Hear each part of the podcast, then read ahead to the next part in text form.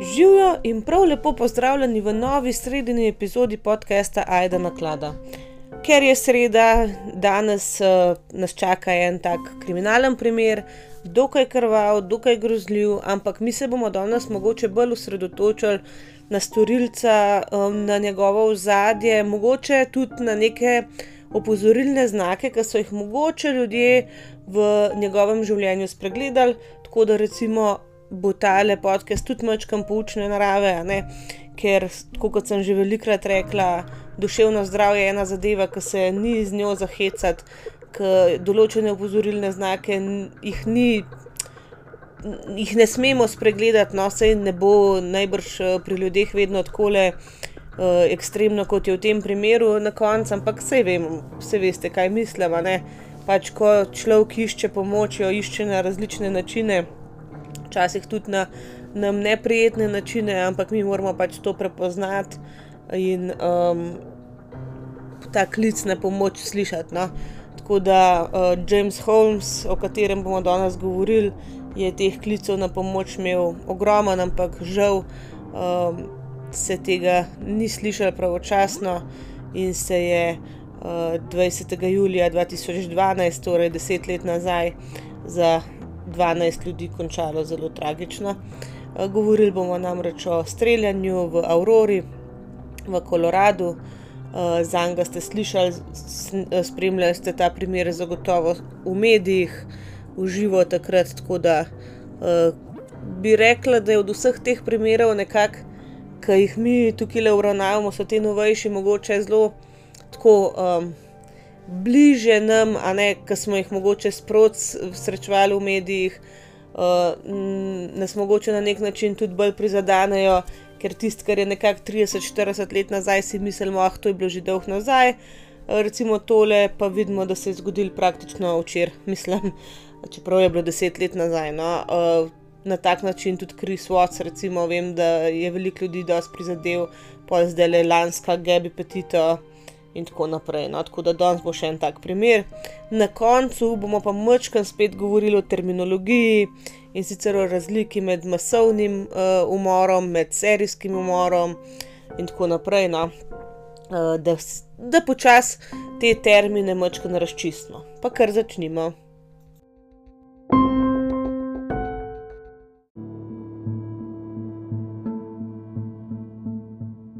No, danes se bomo, kot sem že rekla, malo več pogovarjali o samem storilcu, o njegovem odraščanju. Uh, vemo, da v velikih primerih, ki smo jih mi že na podkastu omenjali, je bilo otroštvo storilca res tako traumatično, problematično, neke zlorabe, odsoten oče, odsotna mati, alkoholizem, uh, travma takšna ali pa drugačna, ki je potem lahko na nek način razumemo kako pač je zaznamovala tega človeka, da je na koncu storil, kar je storil.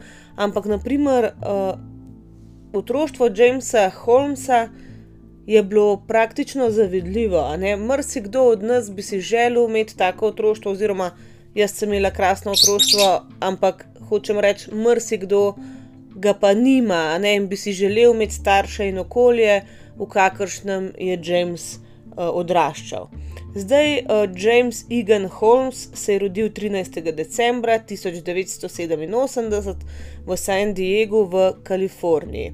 Njegova mama je potem na sodišču, a ne to je njena izjava, dejansko izpričanje na sodišču. Ona je povedala, da uh, dejansko je on bil zelo, zelo zaželen otrok. Uh, njegov oče je res uh, genij, znanstvenik, matematik. Um, res uh, genialca, ne, zelo pameten človek, zelo uspešen človek. Mama je bila medicinska sestra, oziroma je še vedno medicinska sestra, in ona dva sta si res iskreno zelo, zelo želela otroka. In sta ga um, načrtovala, ni se tako zgodil, uh, zelo sta molila za to, da bi lahko pač zanosila. Uh, lahko povemo še, da so pripadali cela družina Luteranski cerkvi. In uh, na koncu se jim je ta želja uresničila in je prišel na svet sin James. Uh, mama je povedala, da je on dejansko podedoval en cel kup družinskih lastnosti.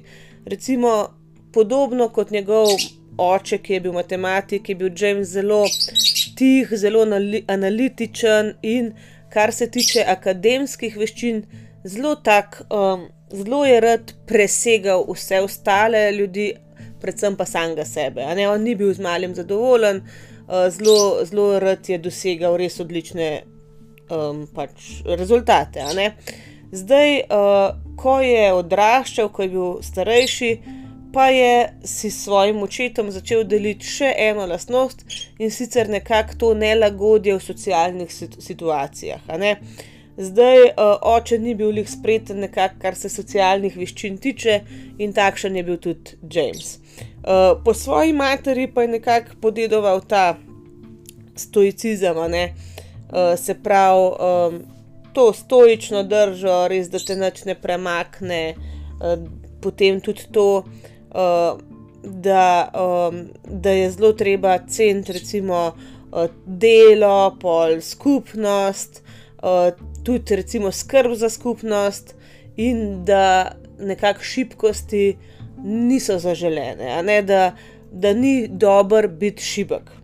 Skratka, on je po svojih dveh starših podedoval različne lastnosti, ki so ga oblikovali v fanta, kakršen je on tekom let postajal, ampak nekako na prelomu iz otroštva v mladostništvo, se pravi, ko je iz fantka začel nastajati moški, se je pa začela razvijati še ena lastnost, ki ni najbolj pozitivna in sicer um, težave z duševnim zdravjem.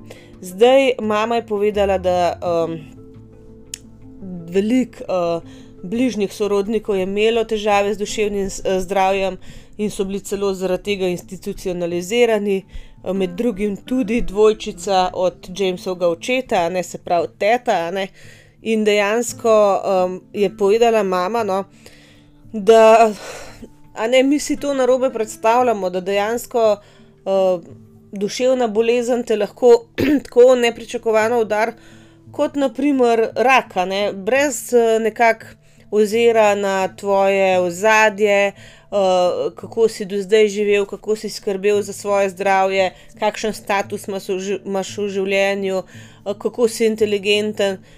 To je duševna bolezen.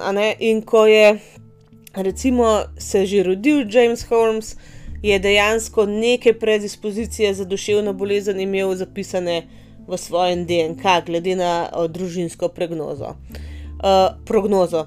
On je bil uh, za svoje starše prvi vnuk, uh, res, uh, res so ga imeli rad, um, povsod so ga vključevali zraven, um, tako res. Uh, Tako družinsko življenje, kot si ga predstavljamo, nič, nič ni bilo narobe, on ni bil zanemarjen, ni bil spet preveč zabožen, uh, dejansko čist, čist, čist uh, normalen otrok. Um, zdaj, potem, ne, so se pa začele težave pojavljati, ko je bil star nekako 12 let. Do svojega 12. leta je namreč James uh, v Kestrovilu um, pač obiskoval neko osnovno šolo, a ne zdaj, američani imajo to močkan drugače. Jaz mislim, da je ta elementary school, kot je osnovna šola do 12. leta, potem je high school od 12. do 17. približno, nekako 17 leti pa grejo potem um, ti mladi ljudje že na univerzo, ker pa nas je recimo to lih za dve leti v resnici no, uh, zamaknjeno, ampak ne, on je v Kestrovilu, v bližini Montreja, Montereja, uh, obiskoval osnovno šolo, tam je bilo še čisto vse v redu. Potem se je pa družina pri njegovih 12 letih um, preselila v San Diego. Zdaj tam se je on, kot smo rekli, vključil v srednjo šolo, uh, sicer je igral, uh, nogomet, je um, treniral ta cross, cross country, a ne se pravi um, tek, a ne cross country tek. Um, ampak um, imel je zelo, zelo velike težave v bistvu navezati neke stike in um, najti nove prijatelje, ne zdaj tam, ki so se preselili. Uh, mama je povedala, da se je on začel res zapirati v svojo sobo in igrati videoigrice. In dejansko se je mama do te, um, do te mere angažirala, da je šla od vrat do vrat v tej svoji skupnosti, a ne lokalni, tam, kjer so živeli. Um, trkati, dober dan, mi smo novi tukaj, imamo tok pa tok starega sina.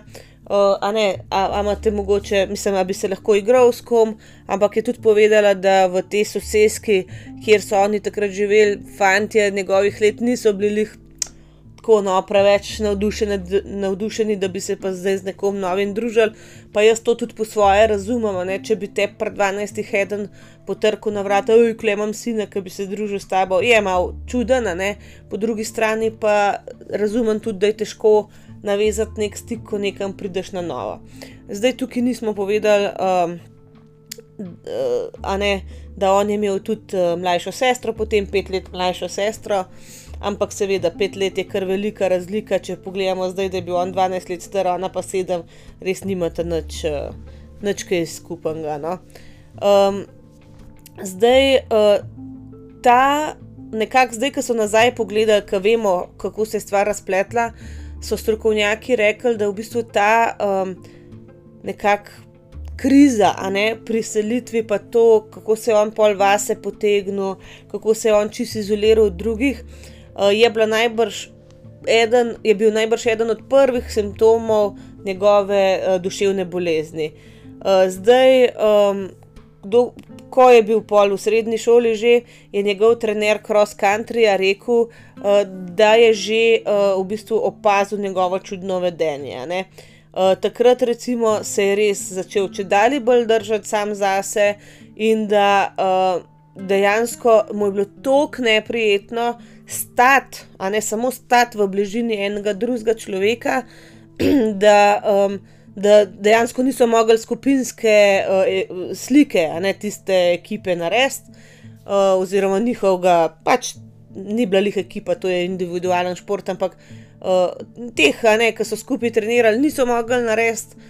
Uh, skupinske slike, ker je on vedno jo pokvaril, ker mu je bilo tako neprijetno zraven nekoga stati.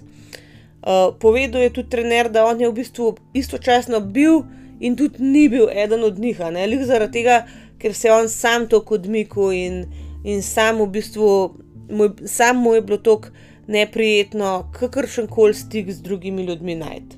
Potem je šel po srednji šoli na količ, um, zdaj med uh, temi ljudmi na količu je imel nekaj prijateljev, predvsem med temi zelo uh, visoko. Eh, kako bi rekel, eh, zelo, zelo uspešnimi študenti. No. Eh, zdaj on je um, imel same pač najvišje ocene.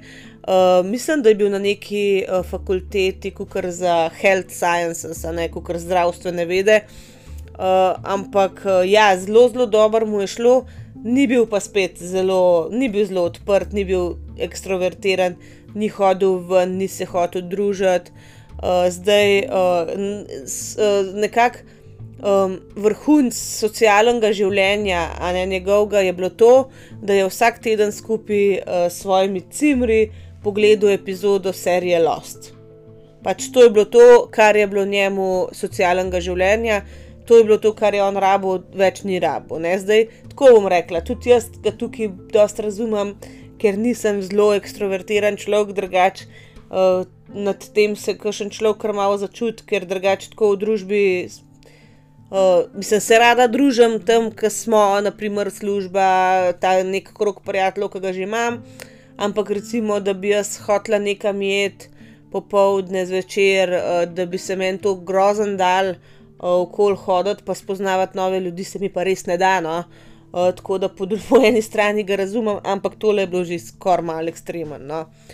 Um, No, on, ko je zaključil ta uh, ne oni imajo pol zdaj ta graduate school, ki je v bistvu kot pa v resnici univerza, sploh ne razumem njihovega sistema, dobro, no, ampak prijavil se je za vse te vrhunske, da jim reč, fakultete um, in nikamor ni prišel. No, um, zaradi tega je bil dosti razočaran, se je vrnil domov k staršem. Uh, in tam pač, ko ni imel nič za delati, ne, je dolgo noč bedel, uh, skoraj cel dan je prespal. Um, in v bistvu ni imel česa za početi, čist brez enih um, pravil, je živel brez enega namena, dokler ni njegova mama pa vendarle udarila po mizi in je ustrajala, da si dobi neko službo. Uh, zdaj, takrat uh, je pol mogel v posili razmer nekaj najti in je šel na delo v eno tovarno tablet, ne zdravil, uh, kjer so pa tudi njegovi takratni um, sodelavci opazili, da um, je velikrat se kar zastrmel, pa gledal nekam udaljavo z enim takim čist praznim uh, izrazom na obrazu. Uh, zdaj, potem je prišel čas za drugo rundo um, prijav za ta faks, uh, in je dobil dejansko uh, pozitiven odgovor, sprejet je bil na Univerzo v Koloradu. Anschutz Medical Campus v Aurori v Koloradu, a ne spet nek zdravstveni uh, faks. Uh, zdaj Aurora, kot smo rekli, je v Koloradu, ampak je v resnici uh, predmestje Denverja. Ne? Denver poznamo, je ogromen mesto, tako da Aurora je v bistvu skoraj že del Denverja, predmestje Denverja. Um, in uh, tam je bil on sprejet na ta faks, ampak zdaj se je pa prvič v njegovem življenju pojavil problem pač iz učenjem. Zdaj, do zdaj je brez težav vse zdelo z najvišjimi ocenami, tukaj uh, je pa um, nekako prvič imel neke težave.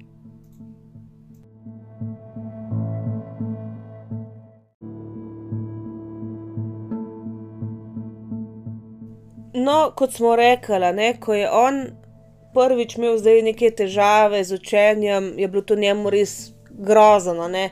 To si predstavljate, mislim, jaz si na nek način spet lahko predstavljam, ker jaz, naprimer, do, do konca gimnazije, recimo za maturo, sem se nekaj učila, ampak meni se ni bilo nikoli treba učiti. In potem sem prišla na faks in se mi še vedno ni bilo treba kaj dosti učiti. Uh, in pa je bil en izpit anatomija, ki sem res, res se rabila napivljati, in meni je bilo to tako grozen, ker se nisem znala učiti. Ne? In še bolj grozen mi je bil postrokoven izpit, ki je bil res ogromen kup tistega papirja za napivljati. Sam hočem reči, če si ti nisi rabo nikoli učiti, uh, nič delati za te lepe ocene, nimaš ne strategij, uh, niti nekako mehanizma za soočanje z nekim neuspehom, za katerega je pač neizbežno, da pride. Ne? Zdaj, če ti doštudiraš nekaj, je neizbežno, skor, da boš kakšen izpit vmes padel ali pa ga pisal zelo, zelo slabš, kot si, si ga predstavljal. In, uh, in to je tudi en del odraščanja, da sprejmeš nekako neke te mini poraze, ki te pripravijo za nadaljne življenje, pa za vse šit, ki se ti bo zgodil. Vam bom pa na koncu povedala, kaj vse se je meni v zadnjem tednu zgodilo. Hočem reči, da ne, če si ti navaden, da gre vse gladko, pa pa kar naenkrat ti nič več ne gre, je to hud šok. Zato je dobro v bistvu za nas, da tekom odraščanja imamo te mičkene poraze, da nas upolnomočijo v bistvu v bitki s temi porazi, v smislu, ne da jih sprejmeš, pa to meni ne gre, ampak da se znaš soočati, jet naprej in se iz njih nekaj naučiti. Ne? In on tega ni znal. Uh, pa še drugi vidik, ki se mu je pa zgodil, ne? je bilo pa leta 2012, ki je pa izbil sod, sodu dno, ko je on. Uh, on je pa končno imel neko punco, sej njega niti ne vem, so ga, mislim, so ga zanimale, valjda punce, ampak um, fora je bila v tem, da on je veliko, veliko se zadržal v raznih barih, pa ni nič plesal, recimo, ampak je sam sedel tam, pa pil pivo, pa gledal punce, recimo, uh, pa upal, da bo kašna do njega prstopila. Pač tako, želel si je, hotel pa ni sam noč narediti, ali pa upal ni narediti kar se spet lahko marsikdo od nas poistoveti, ampak on je na koncu vendarle dobil neko punco, uh, ampak ona ga je pol postila, ne vemo zdaj točno zakaj. Uh, to je bila prva zveza, ki je v življenju imel, in potem je on tudi iz te uh, fakultete se izpisal, je pusto faks uh, in um, začel je zgubljati nekako. Bitko z nečem, čimer je on sam zase rekel, pokvarjeni možgani. Zdaj, ti njegovi pokvarjeni možgani so pa bili na delu že zelo zgodaj v njegovem otroštvu, ampak on ni tega nobenemu povedal. Um, on je povedal, da je bil že čisto otrok, um, se je full bal nekih uh, nail ghosts. Zdaj jaz ne vem, ali bi to prevedel človek kot. Uh, Ne vem, duhovi iz žeblov ali iz nohtov, nekaj v tem smislu, ne vem točno, kaj je on s tem mislil, ampak Nail Ghosts so bile neke sence, ki jih je on vse čas videl po stenah svoje sobe, ki je bil že otrok. Potem je tudi videl skozi neke, um, kako kar ne packice, pa neko migotanje znotraj svojih očes, v glavnem privide imel. No? On je imel vse čas privide neke halucinacije, zdaj, ker je bil tako prestrašen, uh, teh, uh, mislim, ker ga je bilo tako strah teh uh, duhov, ki jih je videl, je dejansko že v otroštvu mama mu priskrbela eno psihiatrinjo, pač res je videla, da se tam malo nekaj dogaja in da rab pomoč in mu je neko pomoč. Ne uh, najdla, ampak to se je očitno v njegovih možganjih, v njegovi glavi nalagal, ker tudi dejansko ni povedal nobenemu, kako hudo je s temi halucinacijami. Mami je pač videla, da ima neke, um, neke strahove, neke anksioznosti in mu je priskrbela pomoč, ampak ni pa vedela točen, zakaj, ne kaj je vzrok, ker ni povedal. In to, to je največji problem vseh teh stvari, ki se nam v glavi dogajajo, ne? ker noben ne more vohati, ne zdaj, kaj je, kaj je za tem. V glavnem, on uh, je povedal, no, da um, te vsi. Mislim, ne samo on, no, tudi strokovnjaki, ki so ga pregledali, so rekli, da vsi te setbacki, kako bi to prevedel, vsi ti koraki nazaj, ki jih je mogel narediti. On je že hodil na faks, pa ga je pustil, je imel punco, pa ga je pustila. Vsi ti porazi, ki jih je doživel, um, so dejansko povzročili vsta njegov nasilje, um, bili so pa ti dogodki tudi nekakšni triggeri um, za to njegovo psihozo. On je dejansko pri sebi prišel do enega zaključka, da njegovi pokvarjeni možgani ne morejo sami sebe popraviti. Da pač tako je, uh, dejansko je on študiral neuroznanost, ne neurologijo, pač vedel o možganih, ne uh, neuroscience no, v angleščini. Um, ker je skozi mislil, da bo zdaj pa tam on se nek, nekako naučil. Kako svoje lastne možgane popraviti. Zdaj, če to dobro premislimo, koliko je to hudo, da nobenemu ne poveš, um, koliko imaš težav in greš dejansko nekaj študirati, da bi videl, če sam sebi lahko pomagaš. Ne? Uh, pač z njim je bilo res, res nekaj zelo narobe. Ampak potem je dojel, da se možgani ne bodo sami od sebe popravili, uh, ne, gled, uh, ne glede na to, koliko študira, ni mogel niti sprejeti nekakšnih teh socialnih stikov, ki bi jih potreboval za svoje delo v laboratoriju, pri raznih prezentacijah. In um, dejansko je vsa njegova pozornost zdaj iz študija, pa iz tega, uh, da bi pač on um, popravil svoje možgane, se preusmerila v to, da bi nekako izvedel neko svojo misijo v narekovajih, ne, s katero bi svoj, uh, svojo vrednost, svojo lastno vrednost zvišal. Um, na nek način, zato da mu ne bi bilo treba narediti samomora. Uh, v enem zvezku, ko so ga pol psihiatri pregledovali, njegovi zapisi so bili to, ne, je on opisal neko teorijo, čist bizarno, ki si jo je on v glavi naredil, uh, teorijo človeškega, človeškega, kap, človeškega ojoj, kapitala, po kateri recimo ti dodajaš uh, svojemu življenju vrednost s tem, ko jemlješ življenje drugim ljudem. Kar je totalno bizarno, totalno, totalno bizarno in skregano z vsako logiko, ne? ampak pač on je to teorijo imel v glavi in enostavno on je verjel, da je to res. In seveda, da bi pač eh, čim več zvišal nekakšno vrednost svojega, povečal vrednost svojega življenja, po tej teoriji morajo biti ogromno ljudi. Zdaj rekli smo, da je pač to tega se lotil, da mu ne bi bilo treba vzeti svojega življenja. Eh, vmes tekom odraščanja je že nekajkrat tudi poskusil vzeti svoje življenje. Um, enkrat, če prav vem, uh, te stvari so zelo tako um, razpršene informacije, ne?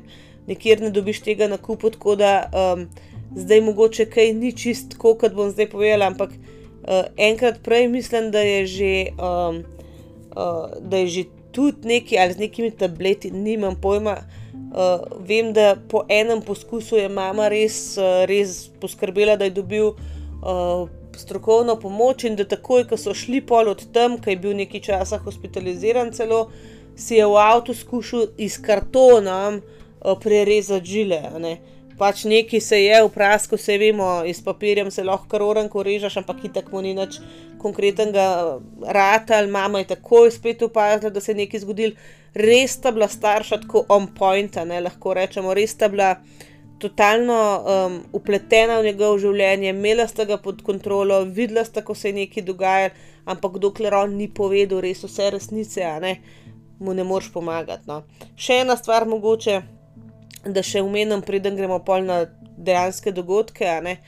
Uh, kot sem rekla, on se je ogromen um, pač, uh, ukvarjal z, z računalniškimi igricami uh, tudi nekaj s programiranjem, pol, ampak on je toliko preigraval teh iger, da je bil mislim, da v neki uh, World of uh, Warcraft ali neki v eni te full znani igrci je bil na eni točki četrti najboljši na svetu. No? Tako da tudi to, dost nekih nasilnih iger je igral, ampak ne spet, a ne starša sta imela kontrolo. No? Ni bilo spet tako grozen, um, da bi lahko to okrivili, recimo, za to, kar se je pol kasneje zgodilo. Ampak očitno, žal, uh, zaradi nečesa se je pač to moglo zgoditi, in zdaj pa gremo na nesrečne dogodke 20. julija, deset let nazaj.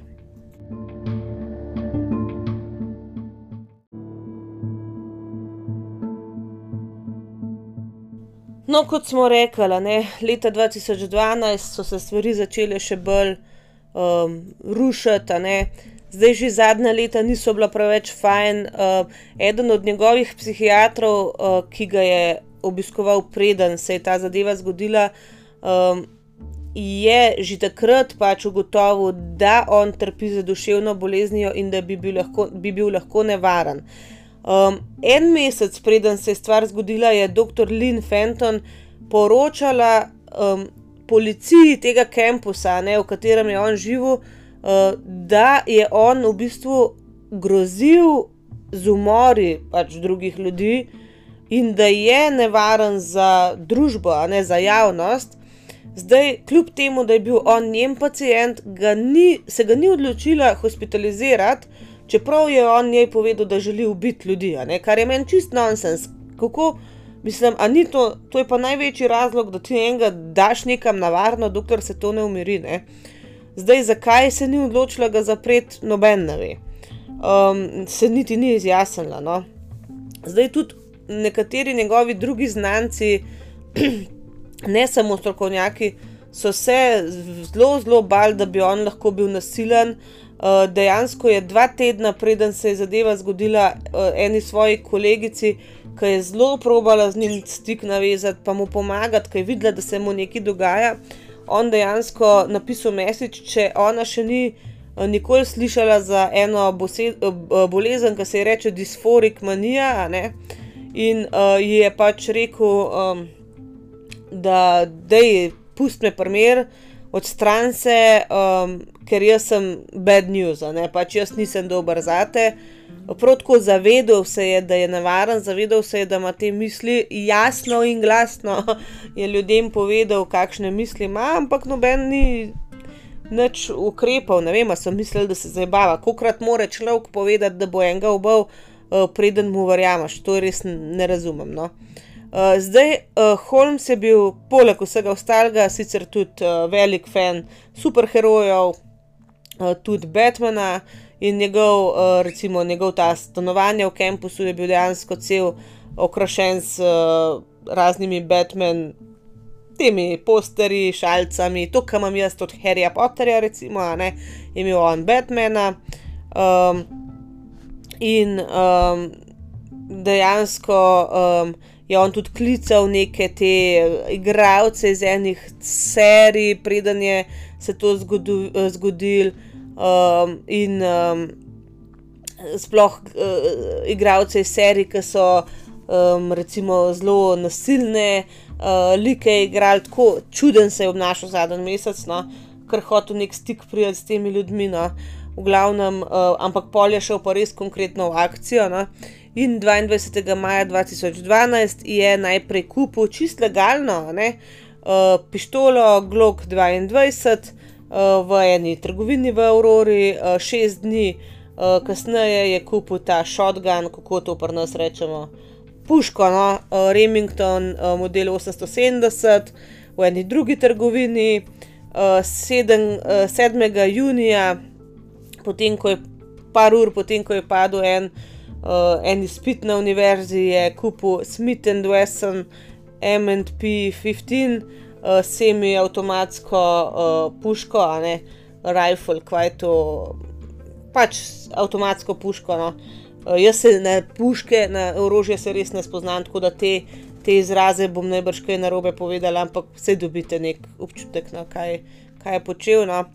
Um, v glavnem, uh, potem je pa še 6. julija kupil še ta drug Glock 22 pištolo, a ne. In ja, tako kot sem rekla, vse te pištole so čisto legalno bile kupljene v trgovinah, ki pač orožje prodajajo, komorkoli ga pride kupiti. To je meni res uh, tako.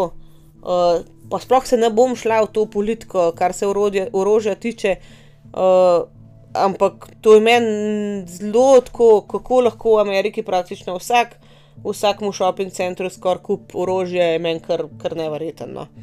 Uh, zdaj, preden. Uh, v mesecih, štirih mesecih približno, ne, preden se je zadeva zgodila, je Holmes kupil poleg tega orožja, ki sem ga naštela, še 300 um, nabojev uh, za pištole, in, ne 300, 3000 nabojev za pištoli in 3000 nabojev za M, MP15. Pa uh, 350 nabojev za, ta, za to puško, to je vse naročil prek interneta, In um, 2. julija je pa še nekako na, um, kup, mislim, naročil na internetu uh, še nek nož, pa še nekaj stojala za te zadeve. Uh, tako da, ja, on se je resno, čist načrtno za to pripravljal. 25. junija, manj kot mesec preden se je ta streljanje zgodilo, je uh, dejansko se po e-mailu prijavil uh, oziroma vključil v nek uh, streljski klub v Bajersu, v Koloradu, uh, zdaj uh, nekako vodja, predsednik uh, tega kluba, Glenn Rodkovič, uh, ga je večkrat poklical uh, v dneh uh, po tej njegovi prijavi, da bi ga pač povabil na neko obvezno. Um, Ko bi rekel, seznanitev, a ne s tem, kaj klub dela, um, s čim se ukvarjajo, pač ti moraš tja priti, da se malo s tabo pogovorijo, ker oni pa najbrž še vsem hočejo vedeti, koga ima na drugi strani. Ne? Ampak je rekel, da se je full trudil ga dobiti in se mu enostavno ni javil nikoli. Um, imel je pa uh, pač ta, uh, to, ta odzivnik, mislim, to tajnico telefonsko naštimano in da to sporočilo na tajnici je bilo res tako bizarno in čist, adijo pamet da je bil zelo tak, eh, da je govoril zelo globokim glasom, da je strebuha govori. In da je bil čist in koherenten, da se sploh ni razumel, kaj govori, kar nekaj je bilo. Um, in da je pač Rodkovič povedal, da naj njegovo uh, osebje, ne v tem klubu, ga obvesti, če bi se uh, James slučajno prikazal, uh, da hoče on z njim govoriti, ker se mu je zdel vse nekaj čuden. Um, ampak James se ni nikoli na tem uh, strelišču niti pojavil, niti poklical nazaj. No. Uh, zdaj, um, povedal je pač ta Rodkovič, no, da zdaj, ko nazaj gleda, pa zdaj, ko je filme videl, ne, da ga je mogoče njegovo obnašanje v tistem voicemailu. Um, spominjalo na Jokerja, no? uh, na ta lik Jokerja, kot da se je res trudil, da bi bil če dalje čim bolj čuden, pa čim bolj, ne vem, strašljiv ali kaj. Um, no, in zdaj pa počasi vendarle pridemo do dogodkov 20. julija 2012.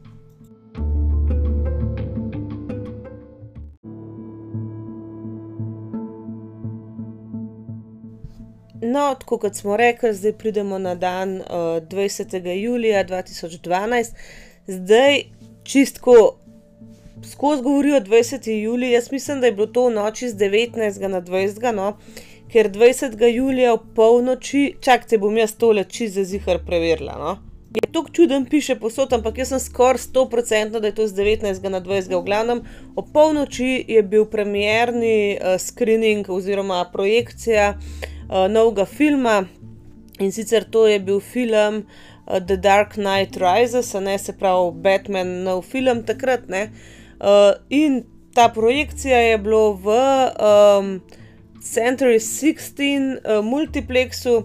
To je bil pač en velik uh, kinokompleks, uh, ki ga je vodil sicer uh, Cinemark, ne to je tako, kot pri nas, ki ima Cineplex, pač različne kine ne, po celi državi. Uh, in je bil ta uh, pač multiplex, ne, uh, lociran v town centru uh, v Aurori. Se pravi, to je bil en tak, uh, kot bi rekel, City Park, ne shopping center. Um, zdaj, uh, seveda, pač naš uh, junak, uh, James Holmes, uh, on je prišel, kukar vsi ostali fani Batmana, pač ta film gledati in se je po nočitku, kot smo rekli, uh, usedel v prvo vrsto. Zdaj, ker je bila to premjera, je bil to zelo tak velik dogodek.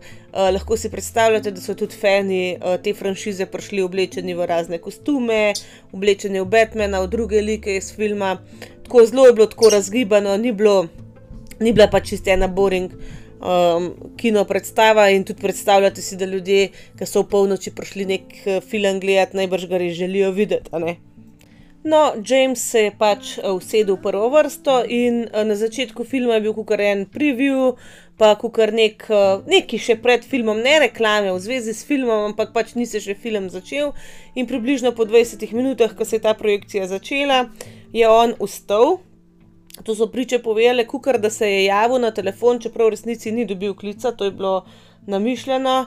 Uh, in je šel pač uh, ven skozi te, uh, čez izhod, kukar, da bi se, se šel ven pogovarjati po telefonu. Zdaj, to seveda ta klic, kot smo rekli, ni bil ta prav. Um, pravijo, da je najbrž on takrat šel do svojega avtomobila, ki je bil zelo blizu tega izhoda parkiran in se je preoblekel v uh, zaščitna oblačila in vzel svoje orožje. Uh, ko je film oziroma ta projekcija trajala približno pol ure, se pravi približno pol enih, um, je policija rekla, da so videli potem na teh vseh uh, kamerah in tako, da se je ponovno vrnil skozi ta izhod v kinodvorano, uh, bil je oblečen v črno, uh, nosil je uh, pač gas masko, uh, imel je ta um, jopič, na katerem je imel ogromen te uh, teh nabojev, uh, ni imel pač uh, neprebojnega jopiča, uh, tudi imel je eno čelado, uh, neke uh, pajkice, ki so pač neprebojne. Um, v glavnem, ene par ljudi v tej uh, publiki. Si je mislil, da je pa nekaj čuden, to zgleda nevaren, ampak večina je mislila, da je mogoče to del te projekcije, del tega celega eventa. To je bil pač ta zadeva je bila njemu fully prid.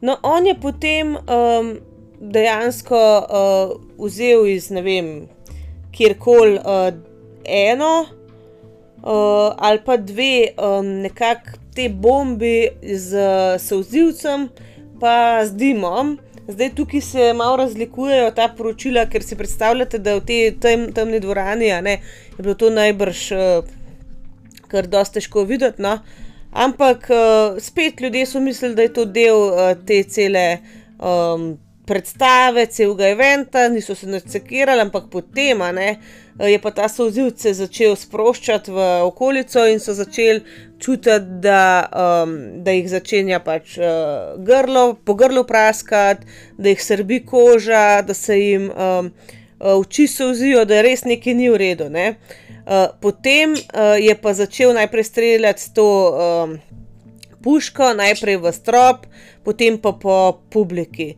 Uh, na to je s to uh, polavtomatsko puško, um, s, s to nekih nabojev, ne, ker to so te uh, drum, um, boben, no, ne znam, se pravi, ne, ne spoznam se na.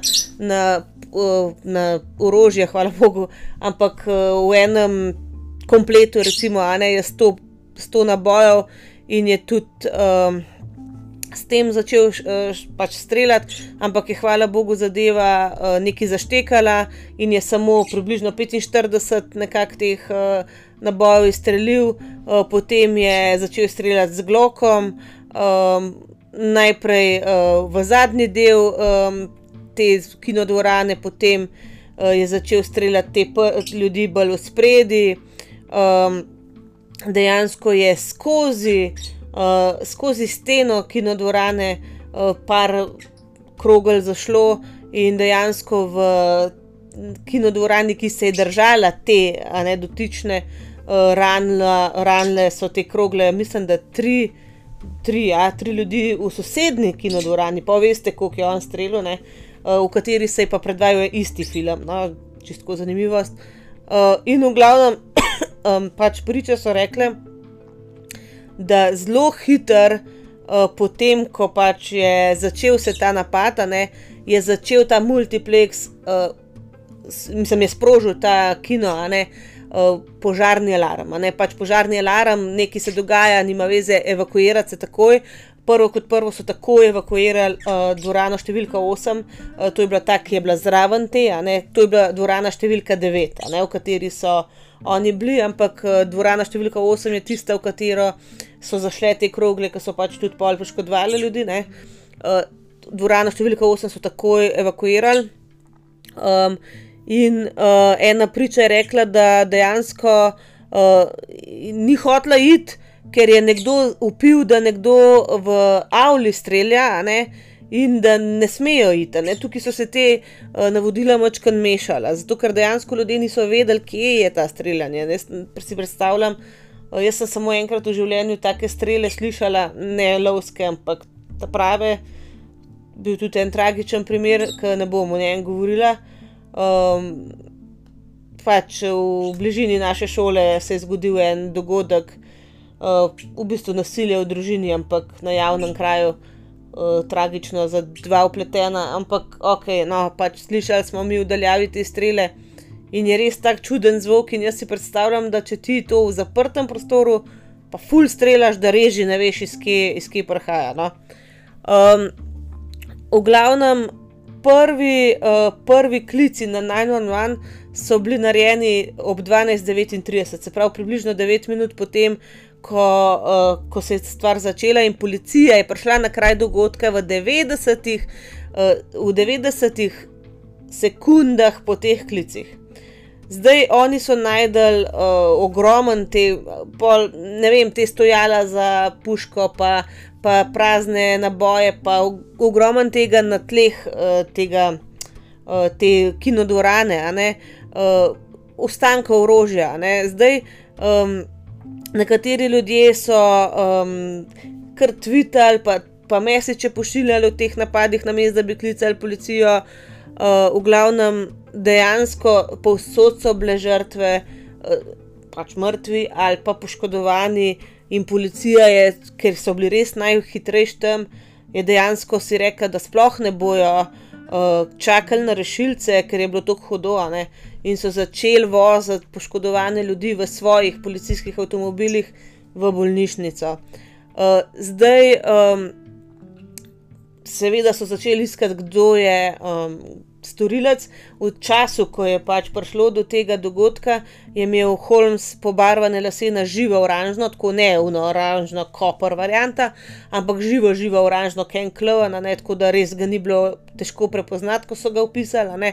In policija ga je ob približno 12:45 prijela za kinodvorano, zraven njegovega uh, avtomobila, on se ni načoperil in tudi. Uh, dejansko uh, so ti policisti, ki so ga prijeli, rekli, da je v bistvu bolj bila fora, da se jim je on praktično predal, ne, da so oni njega ne vem kaj prijeli.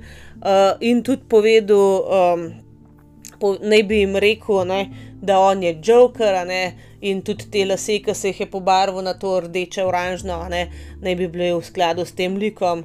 Uh, v glavnem, čez zmešana. Ne. Še to sem pozabila povedati, da vmes, ko je ta napad potekal, ko je on streljal na ljudi, uh, um, je imel v, v šestih slušalke in je glasno glasbo navijal, da pač ni slišal tega, te agonije, ki jo je on povzročal. No. Uh, zdaj, um, uh, potem uh, so oni preiskali, njega so prijeli, preiskali so njegov avto, našli še eno pištolo, še enega gloka, ki ga še ni vzel. uh, in so ga, v glavnem, vse dokaze so imeli, in dejansko so ga dali v pripor uh, in na ta suicide watch, ne, se pravi, res je bil čist pod uh, nadzorom, da ne bi naredil samomora. Povedal je pa tudi policiji, ko so ga prijeli, da je v bistvu uh, eno past naredil tudi v svojem stanovanju, uh, preden je šel pač v ta kino. Uh, ta stanovanje je bil približno 8 km stran od kino, kino dvorane uh, in je dejansko on imel noter ogromen, ogromen uh, eksploziva in je še celo tako naredil, mislim, da. Da bi ne neka glasba začela prahajati iz tega stanovanja, pa je pa on tam nek avtoček nastavil, da ko bi nekdo prišel pogledat, če bi prestavil ta avto, če bi brcno ga po nesreči, ne vem, zdaj točen, bi se sprožila celotna zadeva. V glavnem v tem uh, stanovanju je bilo tri, več kot 30 uh, doma narejenih granat, uh, potem so uh, povezane so bile z eno kontrolno škatlo v kuhinji in deset, uh, v glavnem teh, kar. Uh, galons, kva imajo oni to, to je ne 5 litrov, 3 litre, nekaj tajzga. V glavnem teh kantic, 10 kantic uh, benzina, tako da če bi to uh, šlo v luft, bi šlo oranj v luft. No. Uh, zdaj dejansko so tudi uh, sosedje povedali, da na, uh, ta, na, na noč tega masakra, ne, uh, okrog um, polnoči, so dejansko slišali to, uh, to um, glasno glasbo. V glavnem, dejansko je sprožil celoten ta, ta načrt, kakršen ga si je zadal. Ampak hvala Bogu, pač uh, se ni iztekel tako, kot je on hotel. No. Uh, zdaj, kar se tiče žrtev tega strelskega napada, uh, 82 uh, pač ljudi je bilo ustreljenih ali pa kakorkoli drugače ranjenih. Zdaj na začetku so poročali, da je bilo 14 žrtev, ampak je bilo 12 žrtev. Eh, deset jih je umrlo na kraju dogodka, um, dve kasneje no, um, v bolnišnici. Uh, zdaj, uh, ta, to streljanje je bilo najbolj smrtonosno po Columbine uh, streljanju v srednji šoli, ki ga še nismo obravnavali, mogoče ga bomo. Zdaj, kar se pa let tiče, so bile požrtve stare od 6 pa do največ 51 let. No največ je bilo pa tam nekje v 20 letih, večina je bila med 20 eh, in 30 letom. No. Um, zdaj tudi, uh, seveda, tudi uh, ne samo smrti, tudi poškodbe so bile zelo resne. Uh, dejansko so delali, so pa policaji govorili, da oni vse tisto neko prvo pomoč imajo, ne? ampak. Um, Da, ni, da niso bili pripravljeni na to, ne, da tukaj so bili ljudje, ki so imeli recimo cele, vse notranje organe od zunaj, to, ki so bili prestreljeni, vse to so bile najbrž osebe, ki so potem umrle. No, ampak, kakorkoli, za vse upletene je bilo to kar zelo, zelo težko. No. Zdaj, uh, nekaj o tem, česa se je lotila obramba, smo že povedali, polka se je sojenje začelo, no, zdaj v sojenju ne bom veliko govorila, ful so hotela ne obrniti na to duševno bolezen, kar seveda je bil bolan, ne se to smo že povedali, ampak to ne upraviči dejstva, kaj je naredil, tako da on je potem nekako priznal krivdo v zameno za nekak odstranitev možnosti uh, smrtne kazni, no, tako da je bil obsojen na dosmrtno ječo. Mm, in to je to, ne. Pač zdaj bo uječi do konca življenja. Je pa vsekakor to ena stvar, ki je grozno zaznamovala pač celo ameriško družbo, predvsem seveda Kolorado, pa tisti konc. A ne, ker kino je en plc, kamor greš ti se sprostiti in ne pomisliš, ne, da si tam ne bi počutil varnega, ampak od takrat naprej enostavno se je za marsikoga um, to spremenilo. Zdaj, um, on, uh, James Holmes, je seveda mass shooter, a ne masovni strelec, ali pa mass murderer, murderer uh, množični, no, ne masovni morilec. Recimo. In mi smo velikrat že povedali, da je razlika med množičnim morilcem. Pa serijskim morilcem, in v zadnjem segmentu tega podcasta bomo pa povedali razliko med množičnim serijskim morilcem in sekvenčnim morilcem, oziroma ne vem, če je to pravi izraz za uh, v slovenščini, ampak bomo vse razložili, kaj je kaj, da nam bo vnaprej mogoče tudi to veliko bolj jasno.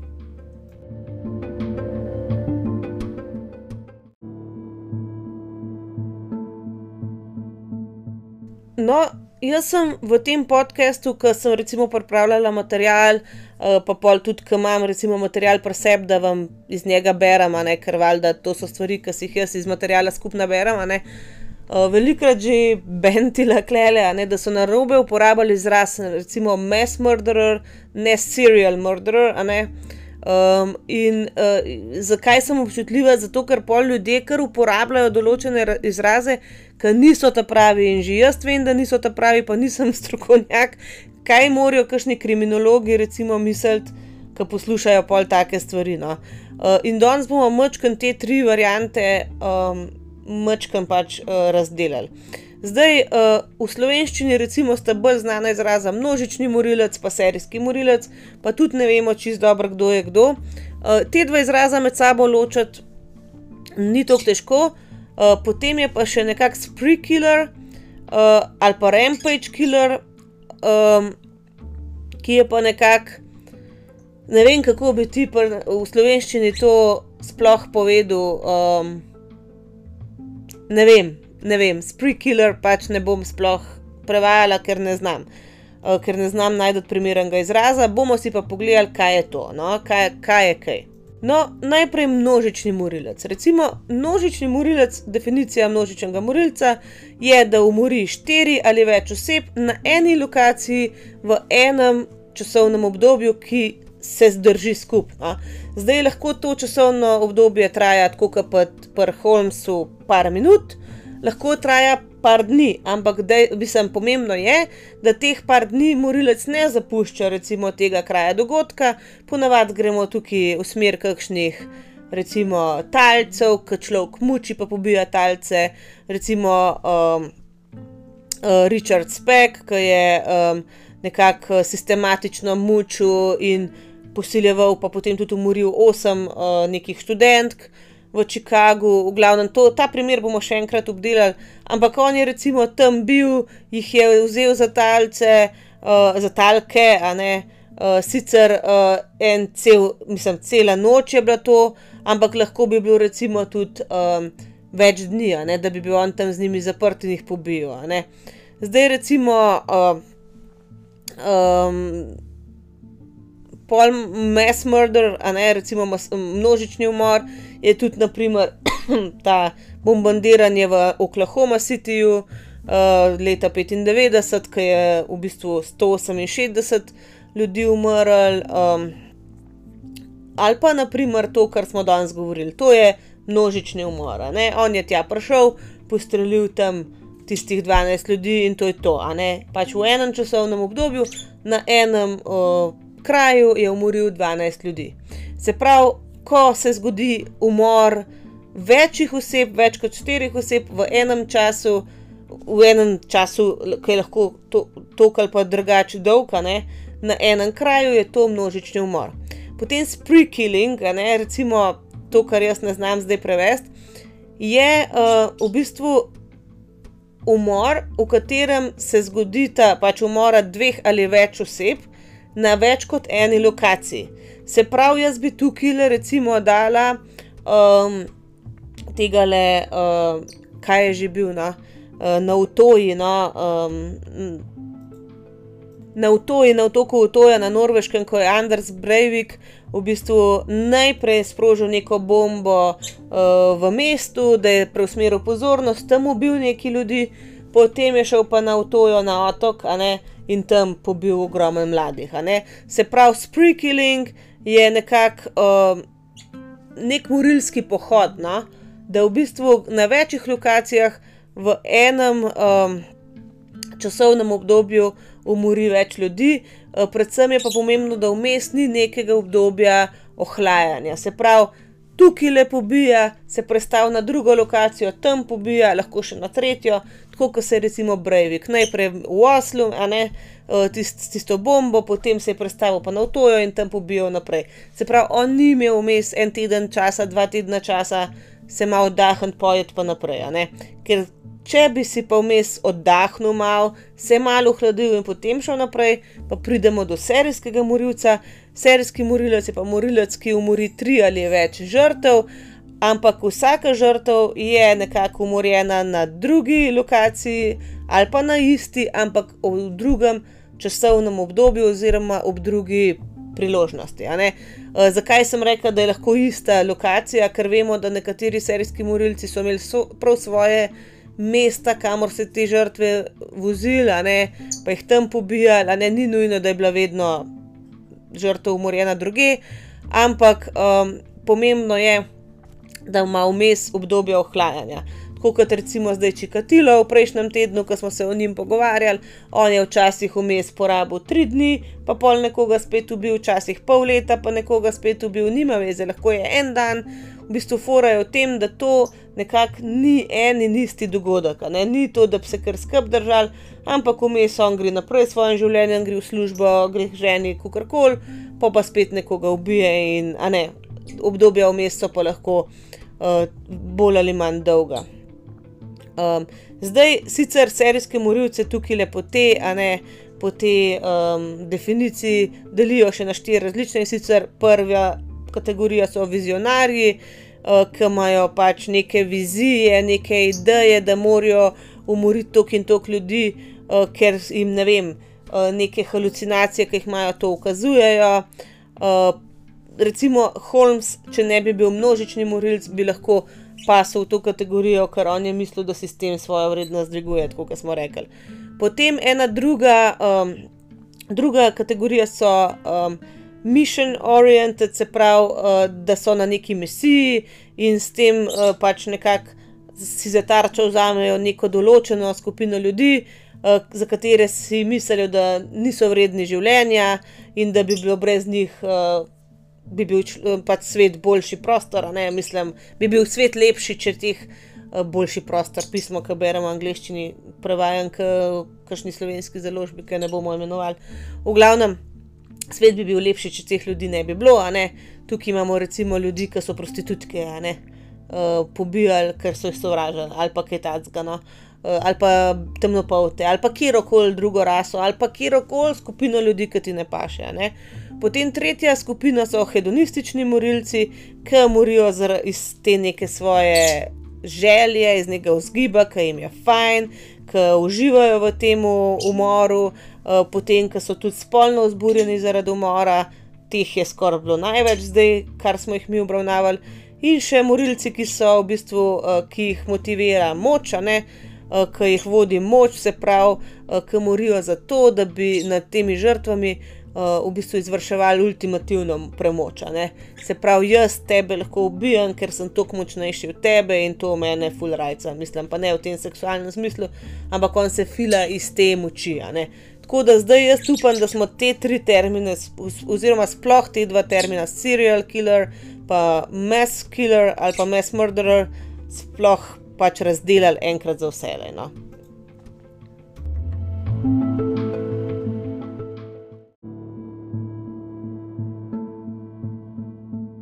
No, in na tej točki bo to to. Če vam jaz povem, koliko je zdaj le ura, ko zaključujem, pol enajstih je ura, ko tole zaključujem snemati, po moje dve ure pa pol že snemam, ne vem, koliko bo epizoda dolga, ampak vmes sem tukaj enih stvari brskala, pa še en drug pogovor sem imela, da se je ful zavlekel, tako da sem že malo zmatrana. Vam bom pa vsem povedala, ker sem vmes rekla, ne, da včasih v lifeu kaj ti ne gre. Ne? Uh, se spomnite, prejšnji v petkovi epizodi sem povedala, da je bil avto, ja, da je avto vleka kot peljala, zdaj pa že v redu, pa ga imam nazaj. Ne? No, nimam ga, ker v petek sem šla z njim uh, v službo in je spet tista okvara se naredila. Nič hudega, res sploh nič velikega, ampak pač ena caka je, ki jo očitno nismo še najdel.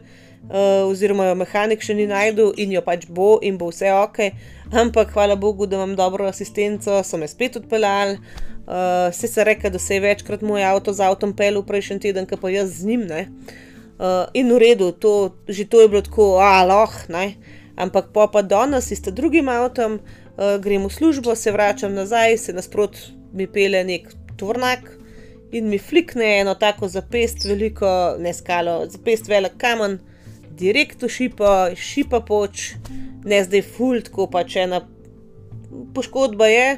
Tako da kar glas popravi, kar glas zamenja, a ne. In tako uh, kličem tja, hvala Bogu, zadeva zavarovana. Ampak uh, tako da v petek uh, grem še to šipo menjati, ker se ne da popraviti, ne, ker je prevelika zadeva. V glavnem tako, alo, mislim, ne bom rekla, aloh še kaj, ker gotovo je nekdo nek tam zgori, ki bo rekel, ja, loh, loh, loh, na evo, klemaš. Ne, tako da upam, da ne, to je to, dost imam. Um, Zaenkrat sem še pri pameti, da je v redu. Je, no.